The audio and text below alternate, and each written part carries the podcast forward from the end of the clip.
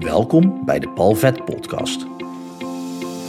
In deze podcast help ik jou met verhalen en inzichten om de blemmeringen in je leven de baas te kunnen zijn, zodat jij je talenten en jouw grootsheid kunt omarmen op weg naar een fijn en vrij leven. Heel veel plezier met deze aflevering. Lange tijd geleden werkte ik bij een grote telefoonmaatschappij. En momenteel zijn er nog drie hele grote in Nederland. Een van die drie was het. En ik werkte daar en ik zat gewoon nog op de klantenservice. En ik loste ook technische problemen op. En op een gegeven moment kreeg ik een man aan de telefoon. En deze man die zei tegen mij: Ik kan niet meer sms'en naar mijn vriendin. En dat vond ik een, een gek probleem. Want alleen niet kunnen sms'en en wel kunnen bellen, dat is al iets vreemds. En op het moment dat hij ook niet zou kunnen bellen, zou hij zeggen: Ik heb geen bereik meer of ik kan helemaal niks meer met mijn telefoon. En daarnaast zei hij, en het heeft er waarschijnlijk mee te maken dat ik mijn rekening niet heb betaald. Toen ging er natuurlijk al wel meteen een belletje rinkelen bij mij. Maar toch, ik vond het wel in eerste instantie vreemd. Want wij hadden bij de telefoonmaatschappij verschillende stops. En op het moment als iemand de rekening niet betaalde, kreeg hij eerst een waarschuwing. En er werd niet zomaar sms stopgezet. Maar vaak had dat te maken met naar het buitenland of in het buitenland bellen. Maar ook sms-diensten. En sms-diensten bestaan volgens mij vandaag de dag nog steeds. Althans, ik heb er gisteren nog gebruik van gemaakt omdat ik extra gigabytes nodig had vanuit um, KPN waar ik nu zit. En dat, dat, die sms-diensten, dan kan je een sms sturen. Ja, dat is ook echt lang geleden dat sms nog veelvuldig werd gebruikt. En eigenlijk een van de manieren was om soort van te appen naar elkaar. Het is echt lang geleden.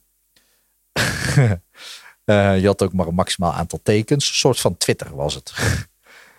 en met een sms-dienst, dan had je dus vier cijfers. Bijvoorbeeld uh, 1369, ik noem maar iets. Uh, of 1266, zo'n zo'n getal. En dan kon je dan een sms naar sturen. En dan konden allerlei bedrijven konden zo'n sms-dienst opzetten.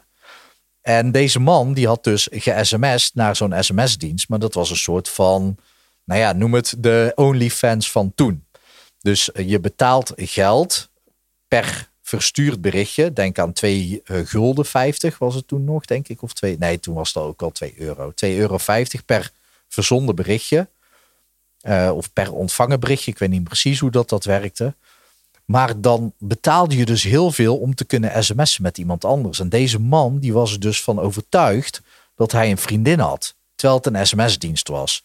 Nou, ik weet niet of dat jij daarvan op de hoogte bent. Maar over het algemeen bij eh, chatdiensten die uh, in de pornowereld uh, actief zijn. Daar zitten vaak gewoon mannen achter.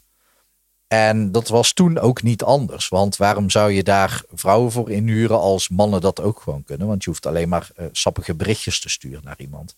Maar deze man was er dus van overtuigd dat dat zijn vriendin was. Want dat had diegene aan de andere kant van het nummer hem helemaal wijs gemaakt.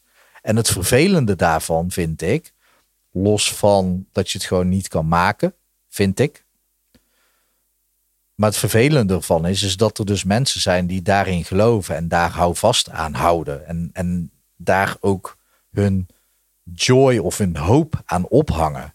Dat is super gevaarlijk. En toen was dat alleen al met een sms. En dan nu, vandaag de dag, in 2023 neem ik deze video en podcast op, hebben we steeds meer artificial intelligence dingen.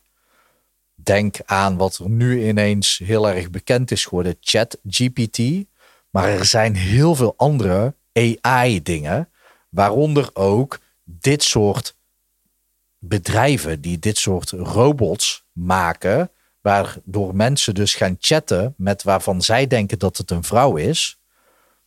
En doordat het artificial intelligence is, kunnen ze dat dusdanig maken dat er altijd terugkomt naar die persoon wat diegene wenst. Dus die wordt helemaal in een soort van wereld gezogen.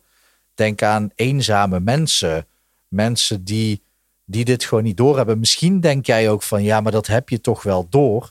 Ja, misschien wel. Misschien ook niet. Want hoe vaak zijn er wel niet mensen gefraudeerd door een appje te sturen van hey pa, ik heb een ander nummer en ik heb geld nodig. Je leest het wel dagelijks in de krant als het nog steeds dagelijks in de krant zou komen, maar het gebeurt dagelijks. En ik vind dat heel heftig, want blijkbaar wordt er dus misbruik gemaakt van mensen die niet doorhebben hoe de techniek werkt. Er is zelfs artificial, uh, artificial intelligence mogelijk met, en daarom is het misschien ook helemaal niet handig dat ik deze podcast opneem, maar daar kun je een stem uploaden. En als je minimaal drie minuten uploadt, dan kan je daarna een hele tekst typen en dan is het net alsof die ene persoon dat uitspreekt. Ik weet niet zeker of dat het al in Nederlandse taal beschikbaar is, maar ik weet zeker dat gaat gebeuren. In het Engels sowieso. Dus op het moment als ik naar die website ga en ik upload daar drie minuten van mijn spraak in het Engels, dan kan ik daarna een heel artikel schrijven en dat uit laten spreken alsof ik dat uitspreek. Maar dat kan jij dus ook. Jij hoeft alleen maar iets van mij te uploaden en daarna een artikel schrijven en ik spreek die woorden uit. Dat ben ik dus zelf helemaal niet meer. En er zit dus echt heel veel gevaar in, in dat we dus belazerd gaan worden van dingen die nep zijn. de enige manier om zeker te weten dat dingen echt zijn, en ook al neem ik het nu op op een video en in een podcast, je kan eigenlijk helemaal niet meer zeker weten of dat ik dit echt ben.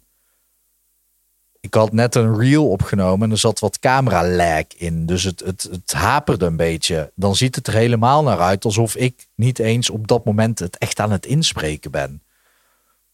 En AI laat het helemaal wel eruit zien alsof ik het op dat moment aan het inspreken ben. Zo gevaarlijk is het dat. Dat de echte video eerder nep lijkt. En de nep video lijkt echter dan de, dan de echte video. Zo gevaarlijk is het. Met die stem kunnen dus andere mensen jou ook gaan bellen. Want ze hoeven maar een bandje af te spelen. En ze hoeven maar ergens ook een stem van een andere persoon te hebben gevonden online.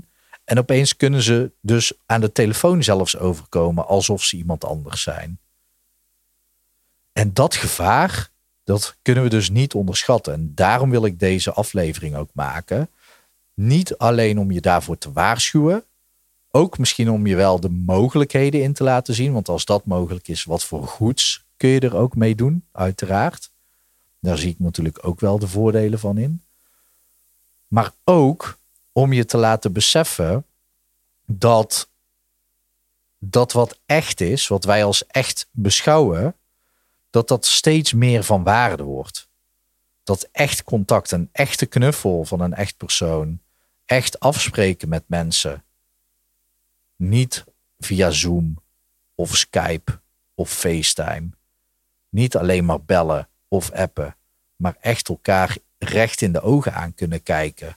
Elkaar kunnen aanraken, vast kunnen pakken, kunnen knuffelen. Elkaars aanwezigheid kunnen ruiken. Klinkt heel erg eh, gek misschien opeens. Ik dacht aan samen eten, maar ook gewoon dat al je zintuigen aanstaan. En niet alleen maar je zicht en je gehoor. Want dat is een, een ik heb er laatste video over opgenomen, dat, dat neigt naar een broccoli kipfilet leven. Waarin de bandbreedte, waarin jij de diepte van het leven kunt ervaren, steeds nauwer wordt. En juist door menselijke verbinding aan te gaan, door echt af te spreken met elkaar, door elkaar op te zoeken, door echte gesprekken te voeren met elkaar en daarin de diepte van het leven te ervaren, dat is echt. En dat gun ik jou. Naast de waarschuwing die ik je mee wil geven, want er zijn ook gewoon mensen. En je kan nu denken van deze man over wie ik dit voorbeeld vertel, dat hij misschien niet al te slim was. Maar er zijn genoeg mensen ingetrapt die wel slim zijn. Het gaat er ook niet om of dat je slim bent of niet. Het gaat erom. Trap niet in de valkuil van het neppe leven. Kies voor echt. En dat wil ik je echt meegeven. Want de, de mogelijkheden van AI die zijn nu in het begin, in het prille, prille begin waarin we staan, al bijna oneindig. Laat staan hoe dat er over vijf jaar of tien jaar uitziet. We gaan naar een hele andere wereld toe. En die hele andere wereld, jij kan ervoor kiezen om je helemaal te gaan verliezen in de metaverse, in de neppe wereld.